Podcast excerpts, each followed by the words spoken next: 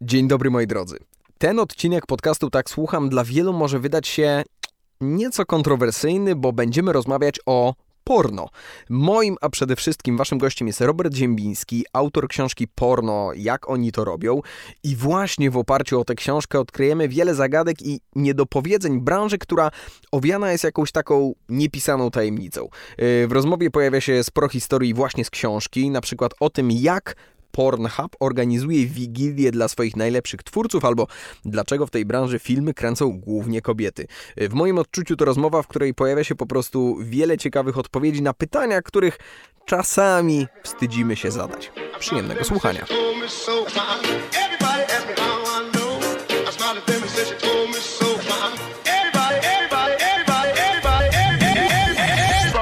Nie ukrywam, że chciałbym zacząć od tego, co znajduje się tutaj na okładce mhm. jest wyboldowane, czyli w Hollywood powstaje, cytuję, rocznie ponad 13 tysięcy filmów porno, z których dochód to około 15 miliardów dolarów. Branża porno przynosi więcej zysków niż NBA, Liga Baseballowa, NHL razem wzięte.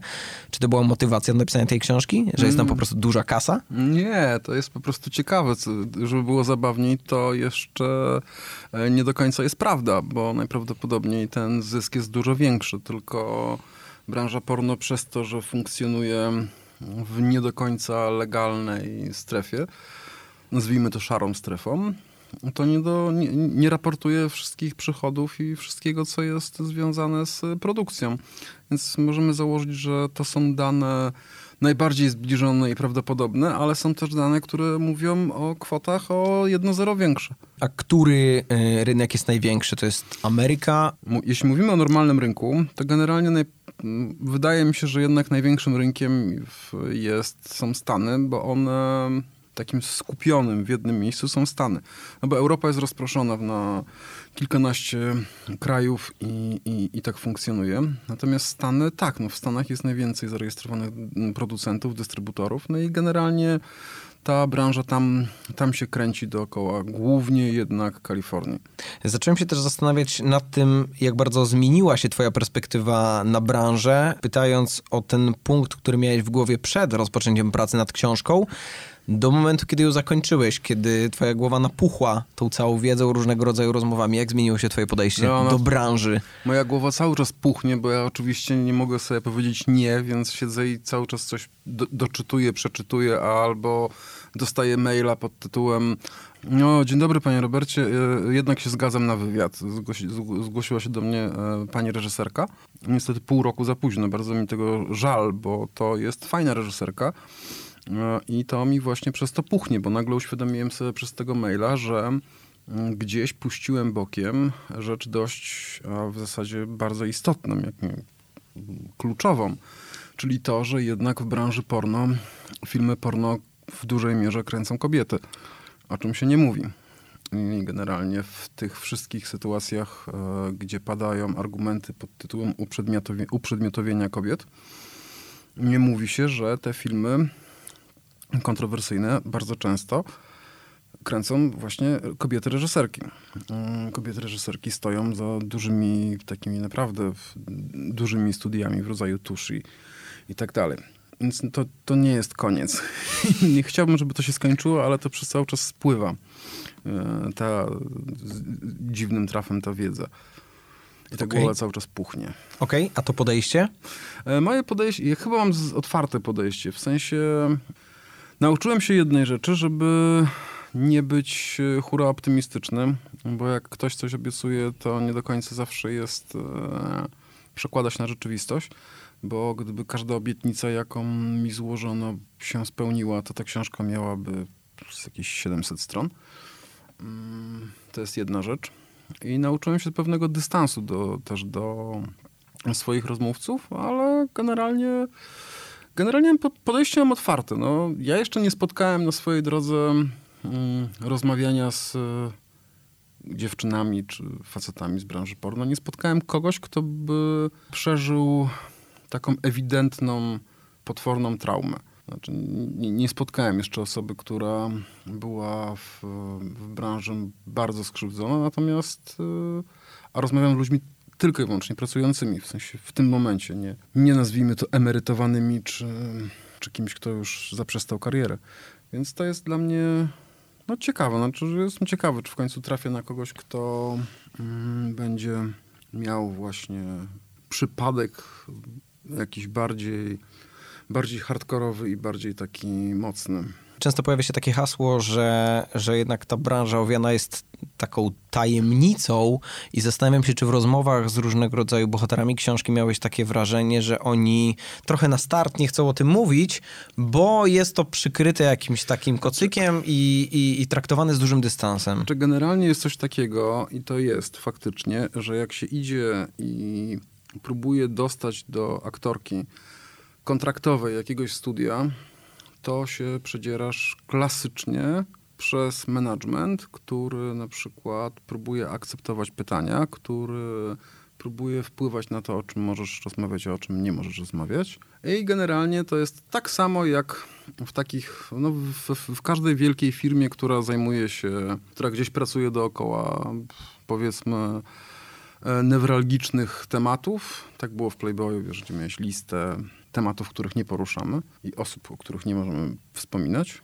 Najczęściej dziewcząt, które albo zmarły, albo czy byłych tych króliczków, które albo wiesz, zmarły, bo miały jakieś straszne przeżycia i tak dalej, no to było usuwane, więc te, te wytwórnie też posiadałem takie listy, dlatego ja się starałem jak najmocniej docierać personalnie.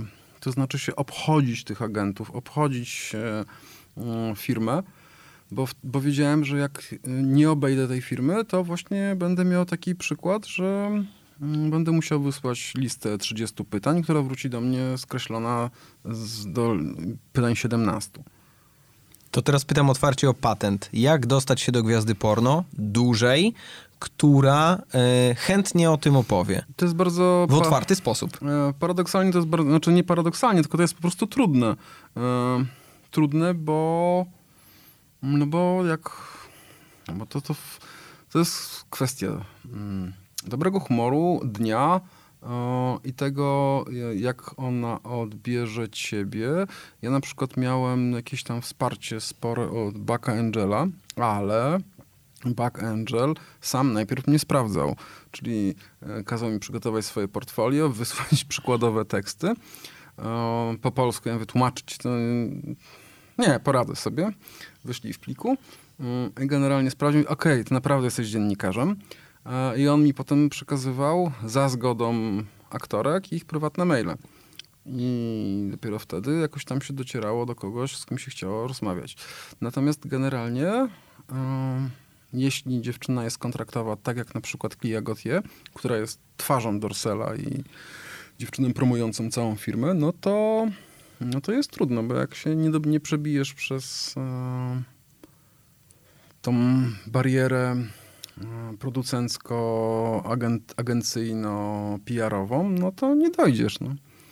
Bo na Instagramie odpisuje bot albo agent, bo mail jest podpięty pod um, już firmę, więc to, to, to, to, to było tak, takie łatanie i bieganie trochę. Ale generalnie, no i dlatego to tyle trwało. Przecież to trwało no, pół, ponad półtora roku. Mm, żeby ich wszystkich, nie tyle, żeby ich skompletować, ale żeby znaleźć osoby, które się zgodzą e, opublikować tekst po, ze swoim zdjęciem. E, I nie będzie z tego żadnego problemu. Bo, bo, bo, część na przykład rozmówców się zgadzała na rozmowę i padał na przykład taki tekst. Fajnie, co to bo, bardzo przyjemna rozmowa. Wiesz, to ja mam taką koncepcję, bo generalnie nie po drodze mi z takim wywiadem w książce, ale ja sobie chyba autobiografię napiszę. Czyli można powiedzieć, że nie tylko powstanie dwójka z historii, które cały czas spływają, ale także kilka autorskich produkcji dotyczących konkretnych nazwisk. Dziewczyny piszą swoje autobiografie. Generalnie Dużo jest na świecie mm, właśnie książek poświęconych, napisanych przez dziewczyny pracujące w branży. E, miałem zresztą rozmowę z, ze Stoją, czyli to jest taka, no, no, no, obecnie zajmuje się głównie produkcją i reżyserią. Kiedyś była bardzo popularną aktorką. Ona sama napisała swoją autobiografię i jak się jej zapytałem grzecznie bardzo, czy by udzieliła wywiadu do książki, to powiedziała, no ale ja już wszystko, co miałam do powiedzenia na tej branży, napisałam w swojej książce. Okej, okay, w porządku. To, co powiedziałeś przed rozmową, że e, często odpowiadasz na takie hasło, że ta książka jest trochę promocją porno. Śmiesz się teraz ja też, bo, bo, bo nie chciałbym właśnie iść w tę stronę, tylko, y, tylko myślę sobie, cały czas wracam do tego, od czego zaczęliśmy, czyli co było twoją motywacją, czy, czy ciekawość tego? Zwyczajna że... ciekawość. Najzwyklejsza w świecie ciekawość. Ciekawość e, to pierwszy stopień do piekła podobno. Ale faktycznie tak. Ja byłem ciekawy, jak to jest, że grzebiąc w internecie na temat życiorysów gwiazd, e, czy rozmów ludzi występujących w branży, najłatwiej jest mi dotrzeć do zapisów traumatycznych przeżyć w zasadzie no, skrzywdzonych dziewcząt. No i zostaje nam pod tym, zostaje nam 5-6 nazwisk w stylu Jenna Jameson, Brianna Banks i tak dalej, Tracy Lords, a potem nie ma nic. Gdzieś są wywiady w, w pismach ich branżowych, tam AVN Magazine i tak dalej, no nie ma. No, generalnie znaleźć wywiady z e, ludźmi, którzy żyją z porno, a nie są e, ludzkimi wrakami, no to było dość skomplikowane i trudne. I to chyba od tego się zaczęło. Znaczy, byłem ciekawy, co oni mają do powiedzenia, na jaki to jest poziomie, mm, jak to ich życie wygląda tak na co dzień. Zresztą, żeby było zabawniej, to na samym nieczkim początku, tylko potem to się rozsypało, to myśmy mieli taki koncept z Izą Grzybowską, fotograficzką, żeby ona jeszcze ze mną jeździła do tych ludzi i robić im zdjęcia w domach, w mieszkaniach, w ogrodach i tak dalej. To oczywiście się posypało w trakcie, w momencie, w którym rąbnęła pandemia i, mm, i już było pozamiatane. E, ale taka koncepcja była, żeby pokazać ich, że tak powiem, w kuchni, w dresie, a nie w seksownej bieliźnie. I trochę ta, ta książka taka miała być. To znaczy, jak to wygląda od kuchni, jak oni żyją, czy są skrzywdzeni, czy nie są skrzywdzeni, czy się źle czują w tym, co robią, czy się dobrze czują, czy mają pretensje do świata, czy nie mają. Oczywiście część ma, część nie ma, część się dobrze czuje, część się źle czuje, ale generalnie to, co mnie chyba najbardziej zaskoczyło, to jednak to, że oni mają świadomość, w co się wpakowali. Na plus, na świadomość minus, tego, czy po że, prostu jakim kosztem? Mm, że świadom, świadomość tego, że wchodząc w branżę porno, będą się zawsze wszystkim kojarzyli z filmami porno. W związku z czym mają określony czas na zrobienie, mm, zbudowanie sobie statusu w tej branży na tyle silnego, że pozwoli im płynnie on po zakończeniu kariery na ekranie przejść do produkcji, reżyserii itd., mm, itd. Tak ale oni mają tego świadomość. To znaczy się, e, naprawdę nielicznym osobom udaje się wyskoczyć i swój wizerunek e, zmienić o 180 stopni. Natomiast większość, godząc się na to, mm, funkcjonuje i wymyśla, myśli o sobie w kontekście tej branży, tylko w różnych innych konfiguracjach. No dobra, mówisz o tym, że mają pełną świadomość. A jakie są ich główne motywacje, żeby w tej branży zaistnieć? Wiesz co, no to jest to ile osób, tyle motywacji. Są dziewczyny, które, bo generalnie zależy od tego, w jaki sposób kto trafia do branży i co on z tej branży wyciąga. Są dziewczyny, na przykład takie jak Ania Kiński, mm, które trafiają do branży, bo chodziły do klubów swingerskich, uprawiały seks grupowy, otwarta seksualność w ich życiu była czymś zupełnie naturalnym. I gdzieś konsekwencją tej seksualności i takiego funkcjonowania było to, że kiedy ktoś zaproponował jej, to może byś wystąpiła w filmie porno, no mówię, why not? No już robiłam to, robiłam to. Spróbujmy. To nie jest aż tak strasznie częste, ale jest. A są dziewczyny takie jak właśnie Klia, które trafiają do branży przez swojego faceta. Tutaj dochodzimy do bardzo ważnej rzeczy. Ona spełniła fantazję seksualną swojego męża pod tytułem Nagrajmy sextape. Sextape wyszło bardzo ładnie, w związku z czym mąż ją uprosił, czy mogłaby to, mógłby to sextape pokazać w wytwórni, bo oni są tacy ładni, tacy super, może by coś z tego było, bla, bla, bla. Okej, okay, pokaż w wytwórni. Pokazał w wytwórni, wytwórnia mówi, o, jakie fajny sextape, jaka to ona jest ładna, jak to tutaj ładnie się prezentujesz, słuchaj, to może byście dla nas nagrali taki film już profesjonalny sami. Więc nagrali film profesjonalny sami, super, to musimy przedyskutować e, warunki, bla, bla, bla. No, a jakbyście chcieli też trzeba trójkąt to kręcić, to się okazało, że Spełniając fantazję seksualną pod tytułem e, chcę nagrać sextape i pokazać swoją żonę wszystkim innym, żeby mi zazdrościli, pan dotarł do punktu, w którym jego żona będzie uprawiała seks z innym mężczyzną. I nagle ona jest już tam złą. Ona się puszcza. Ona jest zła. Ona jest niefajna. To, to w ogóle nie o to chodziło. To, to jest okropne. No i małżeństwo się kończy. Ilość facetów, którzy chcieli spędzać, spełniać fantazję i funkcjonować tak jest ogromna. E, a dziewczyny, no, nie, spełniają fantazję sw- swojego ukochanego, więc to w jakiś sposób naturalne. Są dziewczyny, które trafiają do branży na poziomie na przykład e, wspomnianej przeze mnie wcześniej Brianny Banks, czyli takiej ikony porno lat 90., która opowiadała historię o tym, jak jechała samochodem, była kompletnie spłukana, utrzymywała siostrę i rodzice, już nie pamiętam, czy rodzice ich porzucili, może był, były w zasadzie sierotami. Nie miała kasy na jedzenie dla siostry i zaczęła, że jest nabór na plan filmowy do filmu porno. Się, zgłosiła się, zagrała jedną scenę, dostała pieniądze, wróciła do domu i stwierdziła, ty, źle nie było, w zasadzie to nawet mi się podobało przyniosłem do domu tysiąc dolców. No dobra, zostaniemy. I tak została jedną z największych gwiazd porno. Więc mówię, no ile dróg, ile osób, tyle dróg. A świadomość jest taka, że z tego się no, odwrotu już nie ma. To znaczy, jak już sprzedasz raz twarz, to już sprzedałeś. A teraz przypomnij mi, jakie było twoje pytanie. Y, Nie pamiętam, dlatego pójdźmy dalej, bo to super ciekawe y, motywacje, dlaczego oni wchodzą Czy do tak, branży. dlaczego oni wchodzą, więc to jest tak, a potem masz motywację najprostszą na świecie. Dla kogoś jest są to pieniądze, ponieważ generalnie pracując ciężko i, i dużo, da się na tym zupełnie przyzwoicie zarobić. Znaczy, to nie są nie wiadomo jakie kokosy, ale to są pieniądze, które dają ci zupełnie przyzwoite życie. Druga, czasami, to się bardzo często z tym- z tym spotykałem, że motywacją, uwaga, dla wejścia przed kamerę i grania w filmie porno jest spełnianie swoich e, seksualnych fantazji. Czyli pani zawsze marzyła o tym, żeby uprawiać seks, nie wiem, z dwoma mężczyznami. Nigdy nie było sytuacji w życiu i to się nie składało, albo ktoś ją traktował jako dziwoląga, a tutaj jest w stanie to zrobić i jeszcze w dodatku za zagranie tej całej scenki dostanie pieniądze, więc, mm, więc tak jest. Dużo dziewcząt, które e, występują w takich bardzo ciężkich filmach porno, nazwijmy je.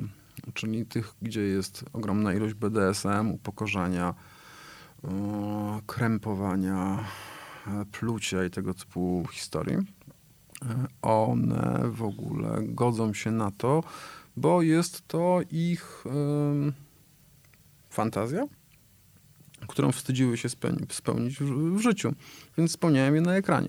I to są akurat historie prosto od dziewczyn, które nie, nie miały pistoletu do głowy przystawionego, e, opowiadając je, tylko no tak jest. No.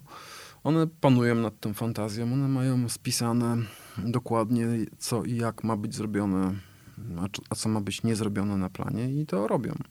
Właśnie to, co powiedziałeś, to zwróciło moją uwagę czytając książkę, że te gwiazdy, no może nawet już nie gwiazdy, po prostu osoby, które na przykład mają menadżera, menadżer ma jasno określone, że ona na planie może zrobić to, to, to, to i to, Tak, ale gdzieś zrobi. jest granica i Tak. w innych filmach nie No, gramy. na przykład Jenna Jameson słynęła z tego, że miała zaznaczone w każdym kontrakcie, że nigdy nie uprawia seksu analnego. Koniec, kropka. A generalnie dziewczyny mają swoje, swoje, znaczy, bo na tym to trochę, o tym się właśnie nie mówi w przypadku porno. Koncentrując się na samych negatywach, nie mówi się o tym, że właśnie e, to jednak jest ustawione. I to jest jednak przedyskutowane. Oczywiście nie mówimy o, bo to, bo Em, ponieważ porno funkcjonuje w szarej strefie, w związku z czym to nie zawsze jest tak idealnie i ładnie, bo to, to wiadomo jest, że trafiasz na, na ludzi, którzy są nie fair. No, jak w każdej branży. Jak w każdej branży troszkę, ale, ale te dziewczyny mają, znaczy jest paru takich, takich um, panów niesympatycznych w branży, którzy się szczycili tym, że robili krzywdę e, dziewczynom na planie. Okłamywały, okłamywali je w kwestii kontraktów. Mm, taki, jest taki pan, który się nazywa Max Hardcore. On jest takim najbardziej No, ma bardzo adekwatne nazwisko do, Tak, tego, ale jest, do tego, co prezentuje. e, Jest bardzo mm, bardzo, bardzo niefajną postacią. O, no tak, no ale generalnie mm, w porno wszystko powinno być transparentne, przejrzyste, umówione, omówione to, co też na, na, co zwróciłem uwagę, że często te historie są, powiedziałbym, takie bardzo zwykłaśne. Pamiętam, niestety nie pamiętam jej nazwiska, y, ale zanim zaczęła pracować w branży, pracowała w Airbusie. Tak. Y, e, produ y, tak. Produkując skrzydła do samolotów, tak? Tak. I to tak. na jakimś takim bardzo technicznym stanowisku. Tak. tak. Tak, e, Cassie Delise, e, przepraszam, Cassie Delise pracowała w Airbusie, była technikiem od, technikiem od budowy skrzydeł i generalnie potem poszła na studia, potem zaczęła pracować, w, jak, jak poszła na studia, to pracowała, w, dorabiała sobie w klubie. Klub prowadził facet, w którym się zakochała, została jego żoną, e, skończyła studia i okazało się, że generalnie ktoś do nich przyszedł i powiedział, słuchajcie, potrzebujemy ładnej pary do porno i skończyło się tak, że oboje występują w filmach porno, prowadząc przy tym jeszcze wciąż klub. Ale tak to jest. No, te historie, mm, one nie są, znaczy, w większości przypadków historie trafienia do branży są bardzo prozaiczne. No, nie mają jakiegoś, jakichś strasznie wydumanych i dziwnych um, koncepcji, opowieści losów pokręconych. No, oczywiście, że się zdarzają. Znaczy, dla mnie najbardziej mm, taką, taką historią, której do tej pory nie jestem w stanie ogarnąć i jej nie, kompletnie nie rozumiem, jest historia Tracy Lords. Tracy Lords była taką gigantyczną gwiazdą porno w latach 80. I nagle się okazało, mm, że ona zaczynała karierę, jak miała 16 lat. A 16 lat w stanie Kalifornia wówczas to była pedofilia. Więc e, z automatu wszyscy producenci, którzy z nią pracowali i robili z nią filmy, kiedy ona chodziła z, z fałszywym dowodem osobistym a, i prawem jazdy, wpadli w panikę. Te filmy były niszczone, palone, e, FBI w to wkroczyło, więc i tak dalej, i tak dalej. I po latach, po latach okazało się, że sobie wyobraź, Tracy Lords zrobiła to podobno celowo. Czy celowo wypuściła informację o tym, że miała sfejkowany adres, znaczy a, wiek, bo mm, dzięki temu i zamieszaniu dookoła niej bardzo szybko przeszła do mainstreamowego kina. Od razu zagrała u boku Johnego Deppa w Cry Baby potem w ekranizacji Stephena Kinga i tak stała się taką solidną aktorką kina klasy B, mm, ale mainstreamowego. I ponoć to wszystko było od początku ukartowane po to, żeby zwrócić na siebie uwagę. Hmm, super ciekawa ścieżka kariery, żeby, no. żeby wyskoczyć. No przy okazji, że doprowadziła do paru zawałów i innych historii dookoła, no to już jest inna para kaloszy. No ale generalnie taka jest e, półoficjalna wersja tego wszystkiego, co się wydarzyło dookoła niej, a to była naprawdę gruba historia z, z FBI i z wszystkimi służbami, bo ona była naprawdę bardzo popularna. A zerkałeś w statystyki, jeżeli chodzi na przykład o ilość filmów, jakie dana gwiazda ma na koncie, bo wspomnieliśmy o tym, że można dobrze żyć, jeżeli się Nie, no tak. pracuje. Chodzi mi o to, ile tych filmów tak znaczy... tak naprawdę y, aktor, aktorka może mieć na swoim koncie? A, 240, 300, 700, 120, 15. To wszystko zależy od tego, jakie kto ma do tego podejście. E, wydaje mi się i jakim sposobem, jak sobie planuje karierę. Bo to trochę jest tak, że mm, generalnie w większości przypadków, jak się przejrzy przez, przeleci przez filmografię, ma takich popularnych aktorek porno, no to one oscylują w okolicach 150-250 filmów. Z tym, że teraz te czasy się na tyle zmieniły, że e, za film jest uznawana taka 30-minutowa scena, czy tam 25-minutowa scena. Kiedyś film to był film, w którego w, w, w, skład, w skład wchodziły małe sceny. Teraz film potrafi być tym, tym, tym miniaturką 20-minutową, czy tam 25-minutową, która się ogranicza li tylko i wyłącznie do tego, że przychodzi pan i mówi, przyjdą tu posprzątać. O, to fajnie. Czyli jest fabuła. Jest fabuła. E, natomiast tak, e, i to tak zazwyczaj jest. Mm, ktoś mi zwrócił uwagę na to, że, czy opowiadał, że e, często jest tak, właśnie Cassie opowiadała chyba, nie, Ania, Ania Kiński, bardzo często jest tak, że pojawiają się dziewczyny, które nie chcą do końca wiązać się z tą branżą, mieć z nią coś wspólnego, natomiast wiedzą, że e, forma występowania w firmach porno daje im możliwość szybkiego zarobienia pieniędzy, żeby osiągnąć swój, swój cel. Więc one sobie żyją na uboczu social mediów, uboczu promowania się w jakikolwiek sposób, ale są w stanie wystąpić na przykład w 70 filmach, a potem zniknąć. W 70 filmach w ciągu, nie wiem, roku, półtora. W ciągu roku? No wiesz, no to kręcisz yy, to w, to w 70 scen, to jesteś w stanie w roku, na, czy w, no, no, w miesiąc może nie, ale w trzy nakręcić, tak? Okej. Okay. Um, więc, więc gdzieś tam one takie, są takie, są takie dziewczęta, takie, takie właśnie komety, które pojawiają się i znikają, ale to jest ewidentnie tylko i wyłącznie po to, one to zrobiły po to, żeby zarobić pieniądze, ściągnąć z tego jak najwięcej, jak najszybciej, jak, naj, jak najmniej wydawać, jak najwięcej oszczędzać i po prostu wyjechać. Bardzo często są to dziewczyny właśnie z byłego Związku Radzieckiego. Co z kolei prowadzi do tego, że tam na świadku porno europejskim teraz trwa wojna. E, wschód kontra zachód, czyli dziewczyny z Francji, dziewczyny z Włoch, z Włoszech, dziewczyny z Wielkiej Brytanii mają duży, dużą niechęć do dziewczyn z Ukrainy, z Białorusi czy z Rosji, no bo one są, ich jest bardzo dużo, one są bardzo ładne, one generalnie przyjeżdżają do Budapesztu czy do Hiszpanii tylko i wyłącznie po to, żeby jak najszybciej zarobić pieniądze, więc przyjmują wszystko jak leci. Przejmują, czyszczą, wiesz... Czyli cały rynek się role w agencjach. Tak, tak, tak. Więc one tam mają naprawdę dużo, no i, i zaniżają ceny, bo powiedzmy, że normalna aktorka bierze za scenę powiedzmy 1000 euro, a wchodzi dziewczyna z Ukrainy i bierze za scenę 600 euro. Więc tak, tam jest duża wojna. Duży, du, duża wojna podjazdowa między dziewczętami. Okej, okay, ale powiedz mi, to są twoje obserwacje rynku, czy to, to jest któraś z bohaterek tego, ci opowiadała? E, one, znaczy, to jest mój wniosek z tego, co ona opowiadała. To znaczy, bo zazwyczaj to powracało. Ten motyw, e, ten motyw powraca.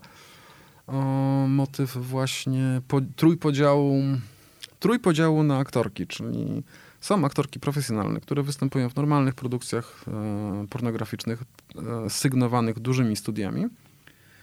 Są amatorki, które są w stanie obskoczyć czasami jakąś produkcję dużego studia, wystąpić właśnie w tak zwanych podejrzanych produkcjach, do których aktorki się nie pchają.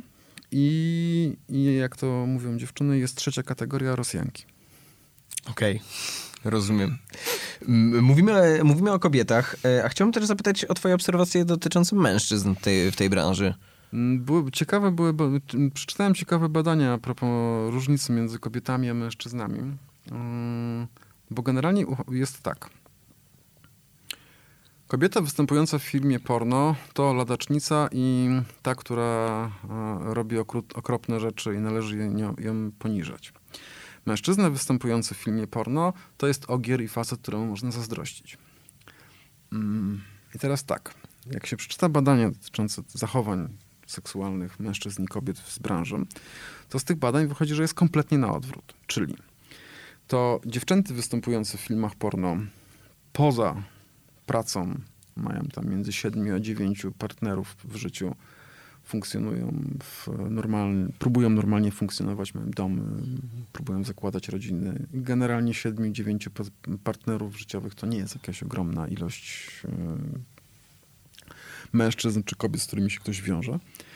Natomiast u facetów to jest 300 w górę.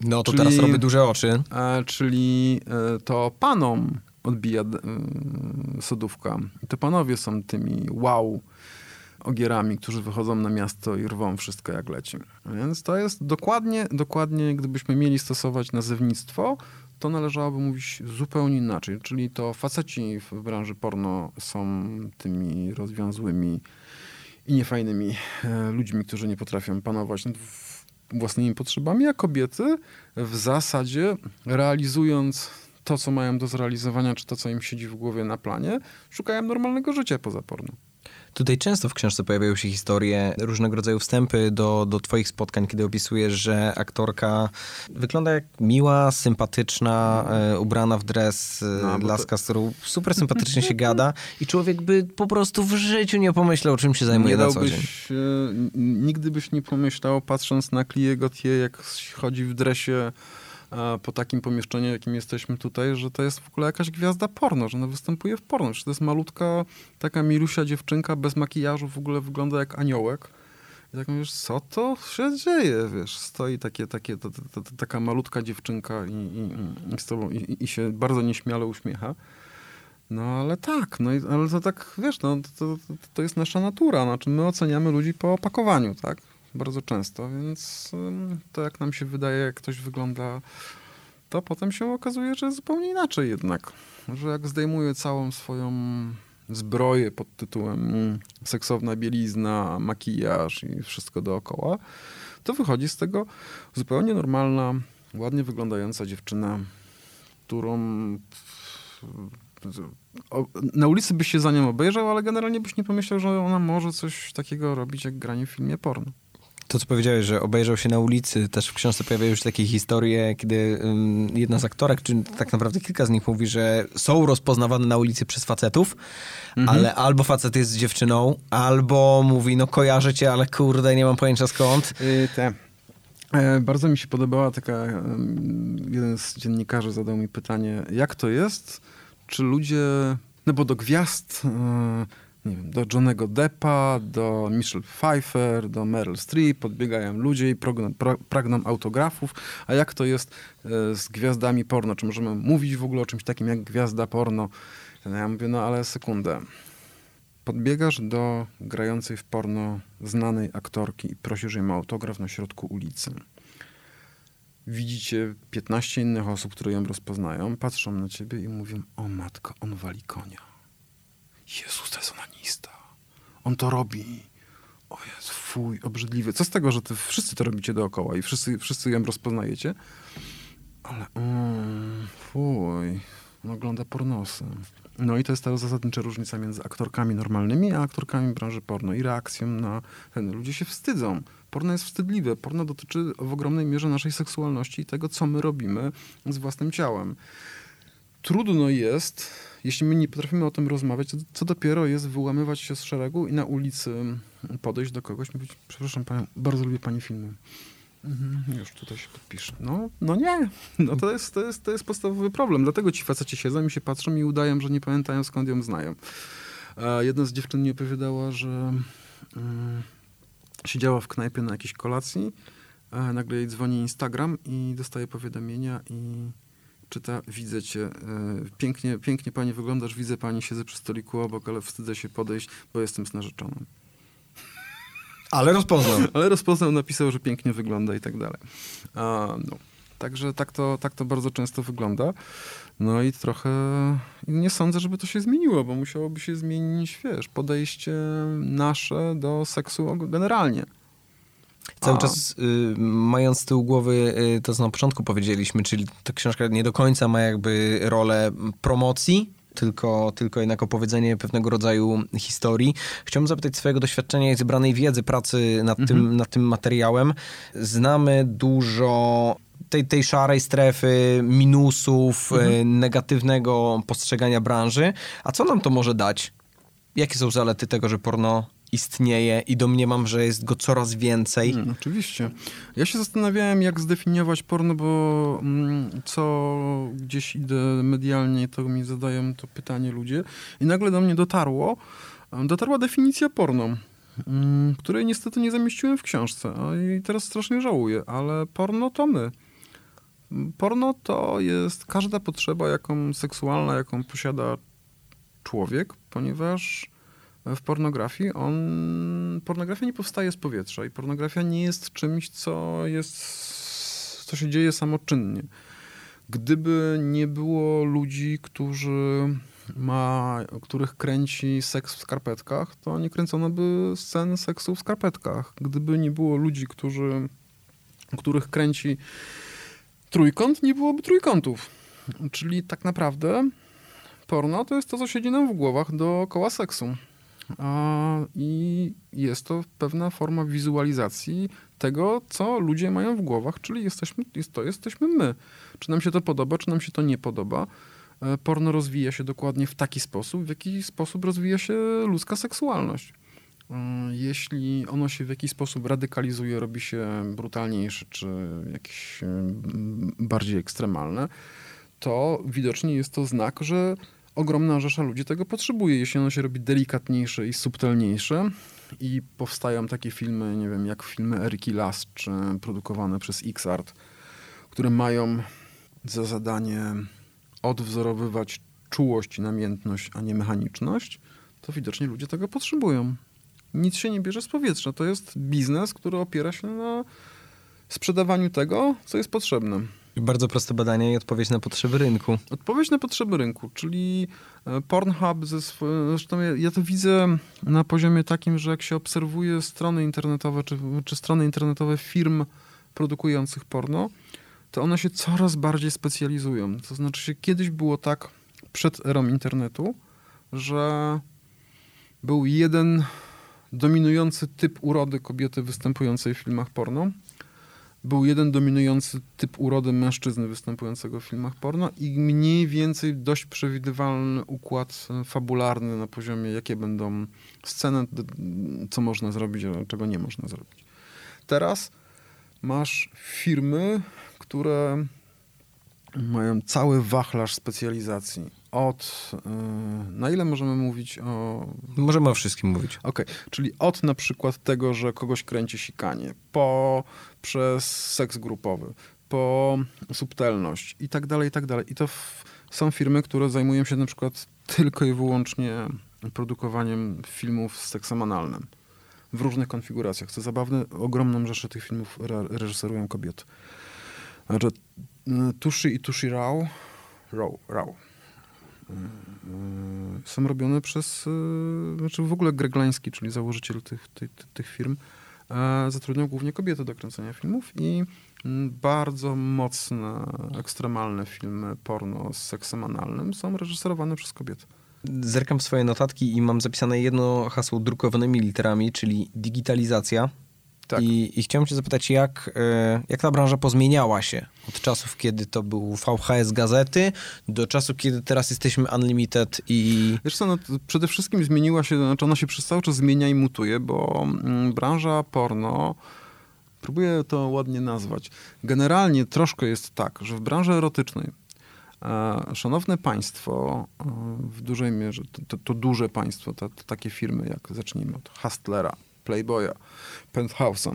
One gdzieś funkcjonowały i miały się bardzo dobrze na poziomie papieru i sprzedawania kasety wideo, sprzedawania, robienia, nie wiem, rozmów z dziewczynami przez telefon. Główna siła sprzedażowa Playboya to nie był magazyn, tylko to, że króliczki siedziały i, i, i, prowadziły seks telefon. To była główna siła sprzedażowa? No to był największa, największy przychód firmy. Że masz Czyli możliwość porozmawiać z, tak, z, z, z, króliczkiem, o czym mało kto wie. Czyli możesz usiąść i rozmawiać z króliczkiem. Um, oczywiście to było wszystko na formie seks telefonu, ale tak. I teraz te wszystkie wielkie firmy, które się zajmowały porno, mm, one były absolutnie um, analogowe. I przyszedł internet i ja myślę, że internet wymiótł pewną pewną niezdolność do adaptacji w, w świecie. Mm, nie ma Playboya, bo on nie potrafił, pomimo tego, że tworzył treść atrakcyjną, która się podobała, nie potrafił tego przenieść w świat internetu. Zupełnie.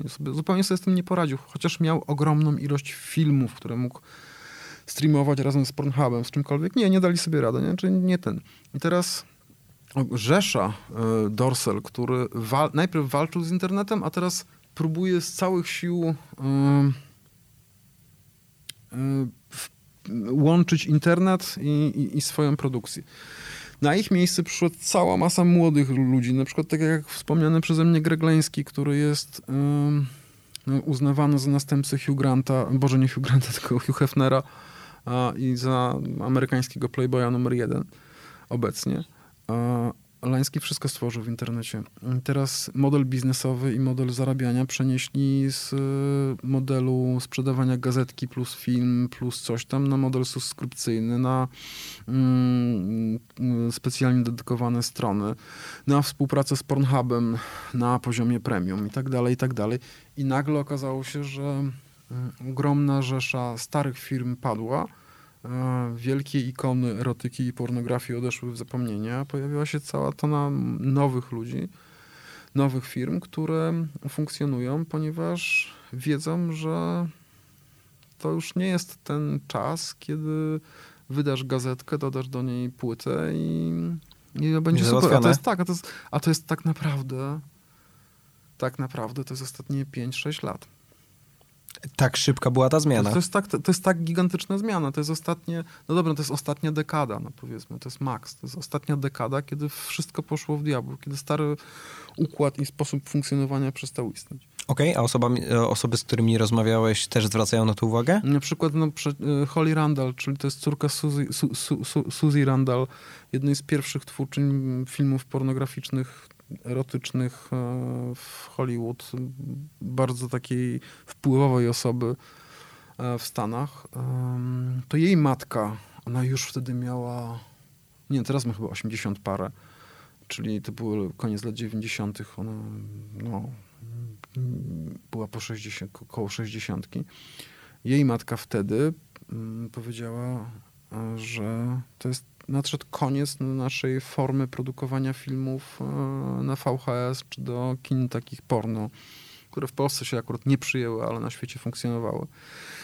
Że amen, że kablówki poszły, że że kanały porno poszły, że tutaj trzeba wszystko coś zmienić. I ona była jedną z pierwszych osób, która postawiła stronę internetową i zaczęła produkować filmy porno bezpośrednio do internetu. Płacisz 9,99 za miesięczny dostęp i masz w tym 9,99 zapewnione 10 filmów wyprodukowanych przez Su, Su, Su, Surandal.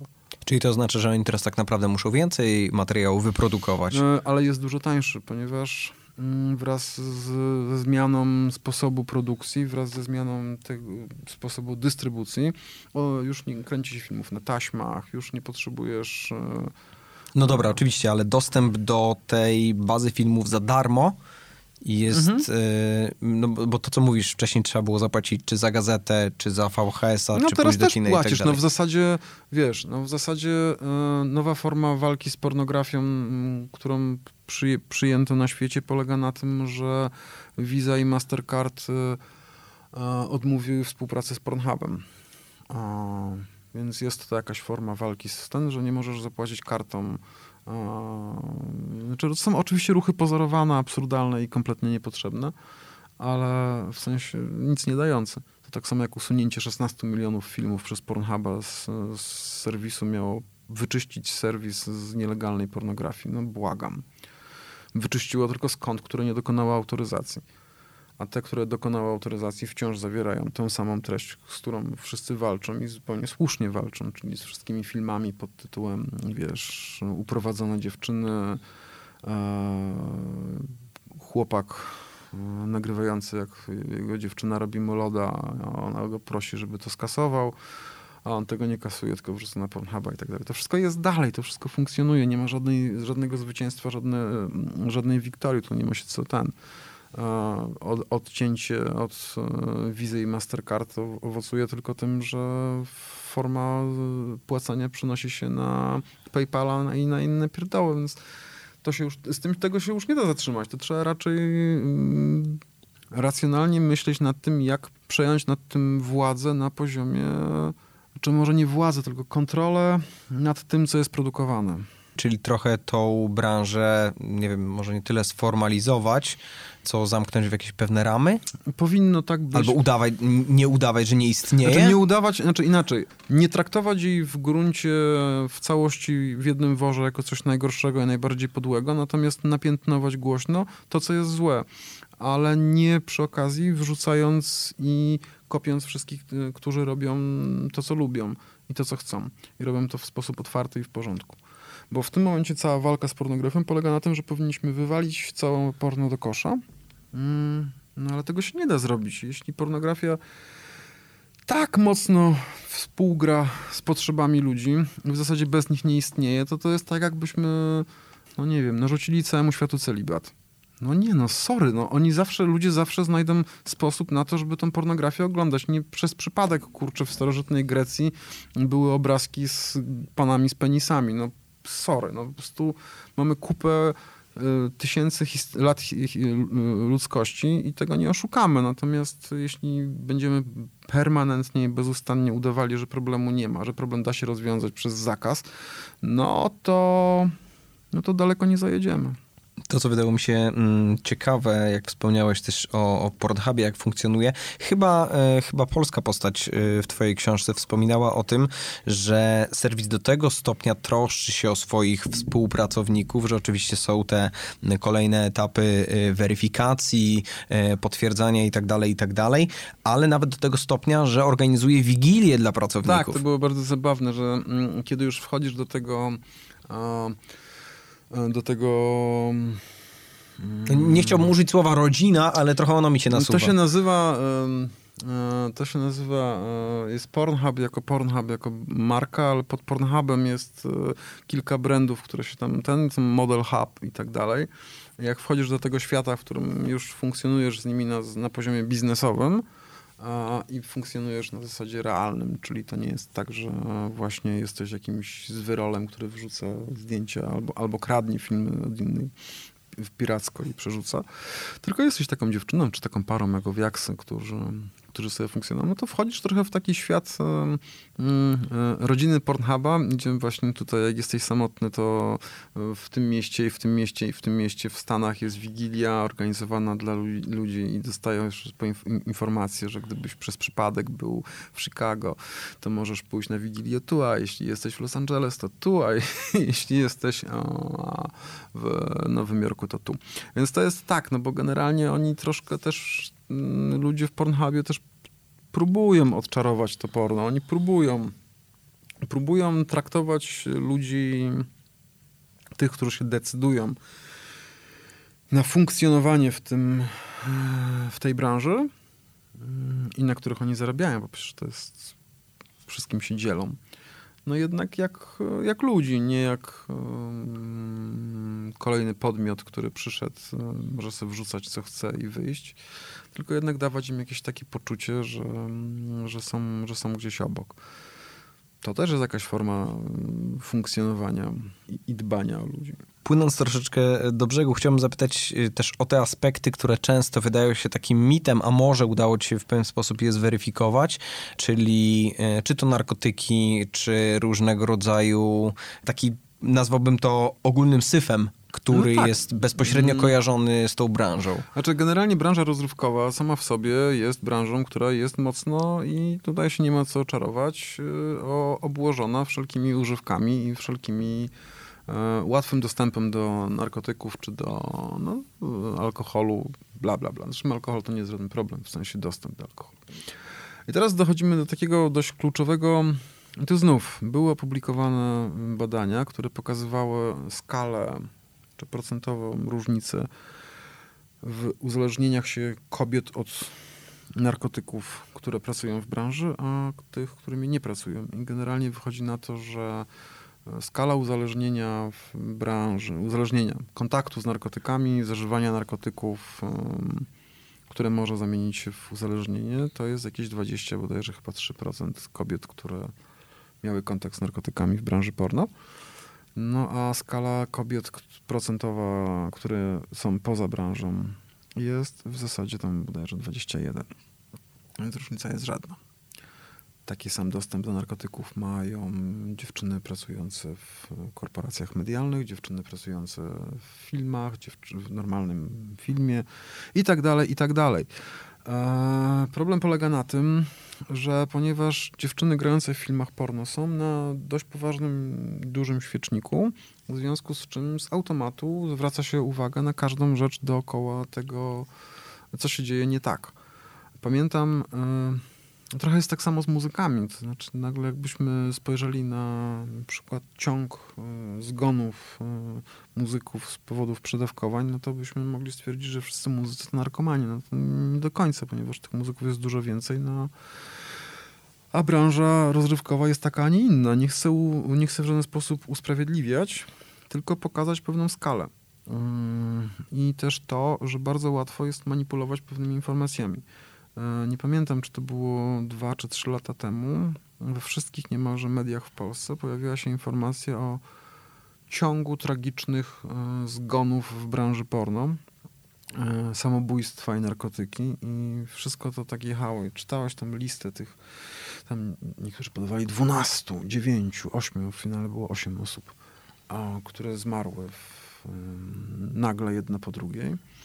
I, no i te wszystkie teksty, które mm, czytałem, no to one pokazywały jakąś demoniczną stronę, upiorna branża. A potem mi usiadłem i to przeczytałem. Dokładnie sprawdziłem, na co te osoby umarły, jak wyglądały okoliczności ich śmierci i tak dalej. Jedna zmarła w, e, podczas snu na zwyczajne zaburzenia rytmu serca. Po prostu zmarła podczas snu. Nie było tam żadnej tajemnicy, żadnego, żadnych narkotyków, niczego. Zdarza się, ludzie umierają czasami. Druga zmarła na sepsę, bo miała zapalenie pęcherza moczowego, coś tam, cewki moczowej. Nie, poszła do lekarza, nie leczyła tego, wdała się sepsa i na własne życzenie zmarła. dwie czy trzy osoby przedawkowały, ale generalnie o, no, no, przykro mi, ludzie mm, przedawkowują narkotyki, to, to, to, to, się zdarza.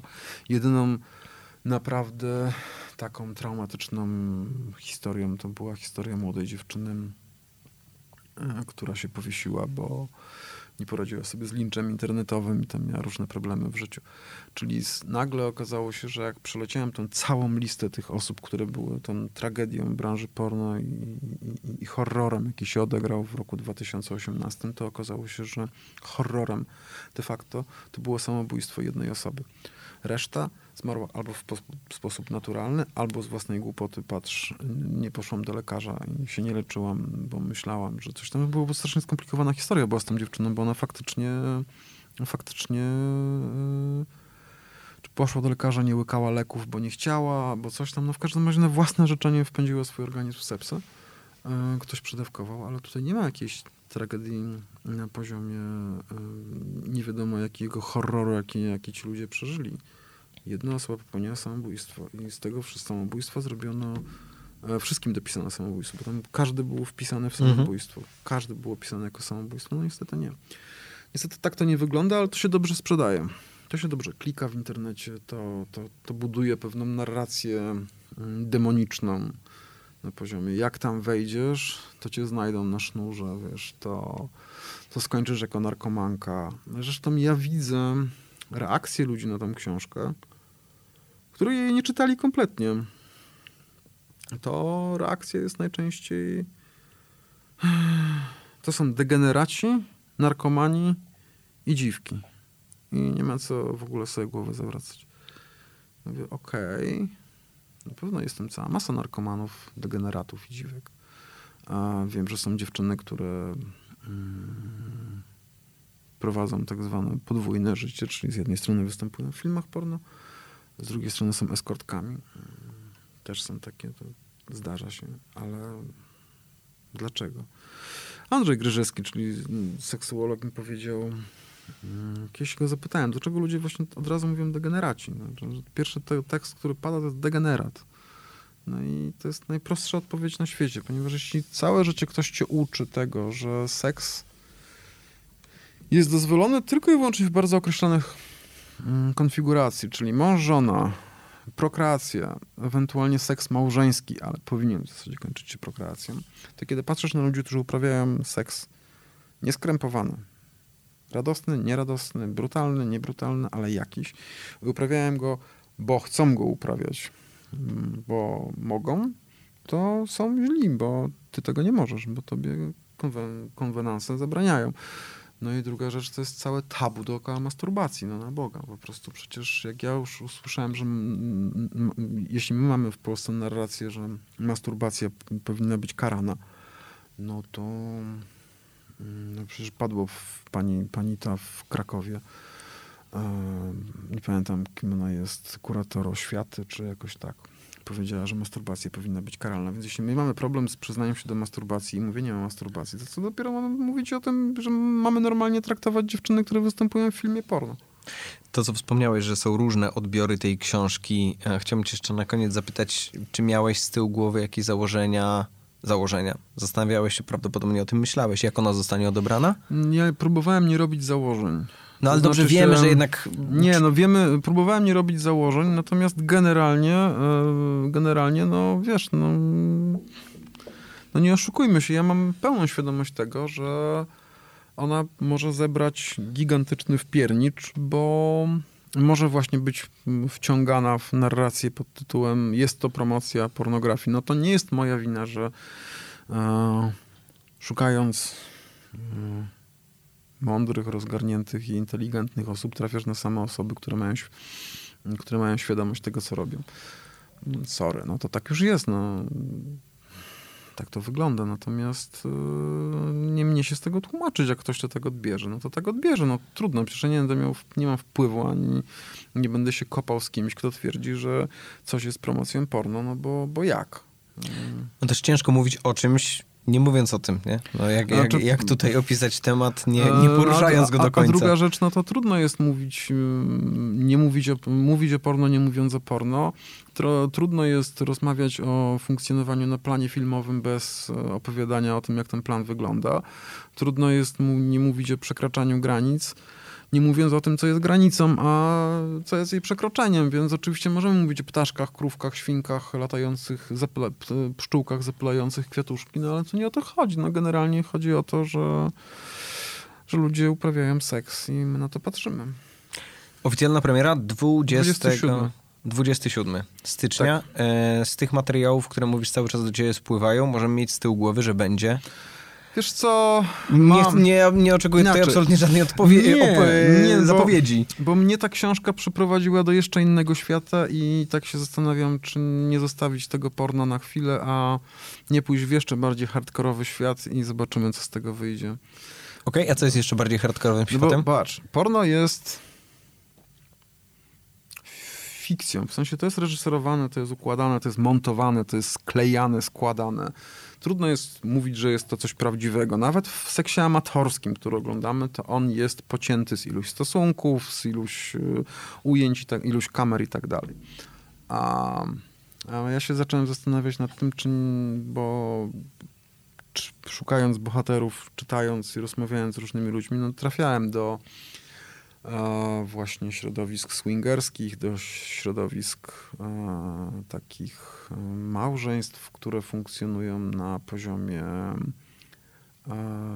mąż pozwala żonie uprawiać seks z innymi mężczyznami, byle tylko mógł na to patrzeć i tak dalej. I zastanawia mnie właśnie, czy nie pójść w tą stronę i E, odrzucić fikcję kompletnie i odrzucić kamery, a nie skoncentrować się na ludziach, którzy uprawiają, dla których seks jest też formą życia, tylko nie zarabianiem, tylko generalnie życiem. A trudno było tą książkę wydać? Tak sobie teraz pomyślałem, jeżeli mm, planujesz, że tak powiem, wskoczyć schodek wyżej? To będzie jeszcze trudniej. Czyli było. Nie, nie było, znaczy inaczej. Mm. E, to było tak, że każdy miał jakieś, każdy wydawca, z którym rozmawiałem, miał jakieś e, oczekiwania względem tej książki. A ktoś miał oczekiwania, że będę mówił tylko i wyłącznie o krzywdzie kobiet, o uprzedmiotowieniu i tak dalej. Ktoś chciał, żeby e, były tu największe, najgigantyczniejsze nazwiska i tak dalej i mogę zapłacić za wywiad tyle i tyle. No nie. E, więc tym, którzy chcieli ode mnie tylko i wyłącznie opowieści o krzywdzie kobiet, mówiłem, no okej, okay, jeśli to wyjdzie w rozmowie, ale jeśli to nie wyjdzie w rozmowie, no to jak ja mam ci tę krzywdę kobiet zrobić? To zmień bohatera. No ale jak ja mam zmienić bohatera, skoro znalezienie bohaterów zajęło mi tyle czasu i oni mają problem taki, że owszem, wiedzą, że zdarzają się takie historie, natomiast oni tego nie przeżyli. Więc mogą mówić tylko o tym, co na przykład widzieli, co Nie, to tak nie może być, bo to wiesz, no, generalnie no, jak może się komuś podobać granie w filmie porno? To, to, to, to, słuchaj, to znajdź ludzi, którzy są skrzywdzeni. To jest tylko prawdziwe, to jest prawdziwe oblicze porno, krzywda. No dobra, okej. Okay. A druga pani właśnie mi mówiła, żebym nie licz się z kosztami i płać za te wywiady, my to wszystko ogarniemy. Ja mówię, dobra, no nie licz się z kosztami i z czymś tam, ale stop. Yy, przecież jak ja będę płacił za te wywiady, to one będą zapłacone, czyli to nie jest już wywiad, tylko umowa partnerska między dwoma podmiotami, z czego jedno ma oczekiwania, a drugi ma te za pieniądze chce je spełnić. Za pieniądze spełnia, więc to w żaden sposób nie jest rozmowa. No ale wtedy będziesz miał wielkie nazwisko. No ale te wielkie nazwiska mi nic nie powiedzą. Powiedzą mi same bzdury. To już mi o tych wielkich nazwiskach ktoś opowiedział, kto nie, ma, kto nie ma tak wielkiego nazwiska, a poza tym może akurat droga będzie zupełnie inna. No ale na szczęście spotkałem się szybko z Agnieszką z wydawnictwa kobiecego. Agnieszka powiedziała, że nie będzie mi w nic ingerować, rób jak chcesz, bylebyś to zrobił. I myślę, że jakbym jej położył na stole projekt, słuchaj, zrobię wywiad z 15 małżeństwami, które uprawiają seks i robią różne dziwne rzeczy i z właścicielami klubów i tak dalej. To bym też przyjęła, tylko to na razie chodzi mi po głowie. Zobaczymy, czy, zobaczymy, czy to się da zrobić, bo popatrz, jeśli dziewczyny grające w filmach porno i gwiazdy porno mają obiekcje do mówienia o sobie, ponieważ generalnie są przez cały czas oceniane, więc mają dość, nie czują potrzeby opowiadania o sobie, to jakie jest prawdopodobieństwo, że małżeństwo z Tarchomina będzie miało ochotę opowiadać o tym, dlaczego jego podnieca to, że uprawia seks, że ona uprawia seks z innymi facetami, a on stoi obok i patrzy. No nie wiem. Trzymam kciuki, żeby ta książka rozeszła się jak najszerzej, bo wychodzę z założenia, że zawsze wszystko, co wbija szpileczkę w jakiś taki unormowany świat, zawsze jest mm, miłym, a może, może właśnie niemiłym, ale urozmaiceniem. I jak się dzieje, to zawsze są emocje. I, Ale dziękuję. I warto tak na to patrzeć. Dziękuję bardzo, do zobaczenia przy kolejnej książce. Do zobaczenia w takim razie.